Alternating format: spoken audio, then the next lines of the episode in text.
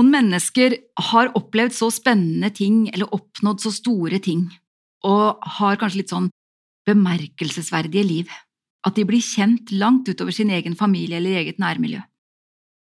Og noen mennesker kan jo være litt sånn store politikere eller store oppdagelsesreisende eller store kunstnere. Men det å ha stor tro, og det at Jesus blir stor i livet til noen mennesker, det gjør kanskje enda mer inntrykk. Marie Monsen er en av de trosheltene som har inspirert meg mye, og jeg har lest hennes bøker. Jeg er glad i biografier og dokumentarer og har lest mange troshelter, men, men nå vil jeg peke på noe av det Marie Monsen fikk erfare og oppleve. Ganske tidlig i livet i Kina møtte hun ei eldre dame. Marie Monsen var altså en misjonær i Kina hun kom fra Bergen og var sendt ut av Kinamisjonsforbundet, som det het den gangen, og som er Misjonssambandet i dag. Hun kom til Kina i 1901, tidlig i 20-åra, og så var det sånn at misjonærene fikk en bibelkvinne som de skulle gå sammen med. Dette var kvinner som var lokalkjent, og som sto med dem veileda dem i arbeidet og ba for dem og med dem i tjenesten. Men så, i mangel av bibelkvinne, fikk de denne gangen, eller eh, Marie Monsen fikk eh, ei eldre, meget enfoldig, men virkelig omvendt kvinne til å hjelpe seg i arbeidet, forteller hun. De fikk noen rom de skulle bo i, og husa var bygd sånn at det var vegger av jord på den nederste delen og papir over der. Det betydde at det ble veldig lytt, så Marie hørte alle bønnene til denne enfoldige kvinnen og bønnesvarene når hun takka etterpå. Og mer enn en gang tenkte Marie, det der kommer ikke til å skje. Men det skjedde. Hun hadde en gud der ingen vanskeligheter var vanskelig.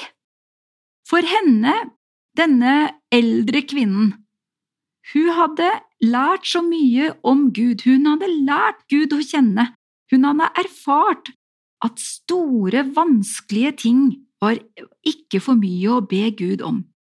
For Marie så synes problemene bare å tårne seg opp, og de kjentes aldeles uoverkommelige. Så sier Marie, da oppdaga jeg at jeg var en vantro troende. Etter hvert så skulle Gud få lære henne mer og mer om troens vei. Hun måtte overlate ting til Gud, og hun sjøl ble mindre og mindre. Da hun etter fire år, de første fire åra i Kina, kom til Norge igjen, kjente hun seg bare fullstendig ribba for alt. Hun trodde hun skulle jobbe i skoleverket, det skjedde ikke. Hun opplevde bare sykdom på sykdom, hun hadde lite penger, og det var ingen mennesker som hadde blitt frelst. Hva skulle hun komme til Norge og fortelle menneskene om? De venta så forventningsfullt på at hun skulle fortelle store ting. Hva skulle hun gjøre med alt dette? En dag forsto hun at hennes egen erfaring med sykdom skulle sette henne i stand til å hjelpe andre. Jeg skal få lov å hjelpe med den hjelp jeg selv har fått, sier hun blant annet.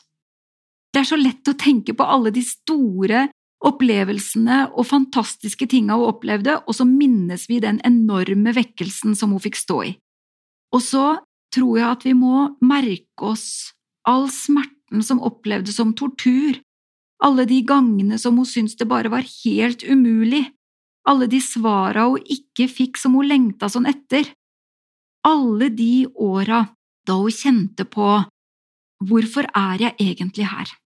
Tidlig i livet, tidlig i tida på, uh, i Kina, så bestemte hun seg for at hun skulle begynne å be konkret om vekkelse. Fra hun begynte med det til den brøt ut gikk det 20 år. Kan vi forestille oss alle de 20 åra der hun levde i Kina i fattigdom og vanskeligheter og smerte og sykdom, der det synes som om Gud tok fra henne alt for å kunne fylle henne helt? Det tror jeg vi skal merke oss, at når jeg blir tatt fra alt, så skal Gud få plass i meg til å fylle meg helt. Når du blir tatt fra ting som bare gir smerte og vanskeligheter, så vit at Gud er større enn det og at det gir han enda mer plass i deg. Over en åpen bibel var i dag ved Tove Stange Karlsen. Serien produseres av Norea Mediemisjon.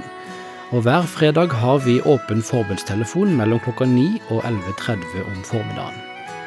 Du kan ringe oss ditt forbundsemne på telefon 38 14 50 20, 38 14 50 20, eller send oss en e-post til postalfakrøllnorea.no. Alle henvendelser behandles selvfølgelig konfidensielt.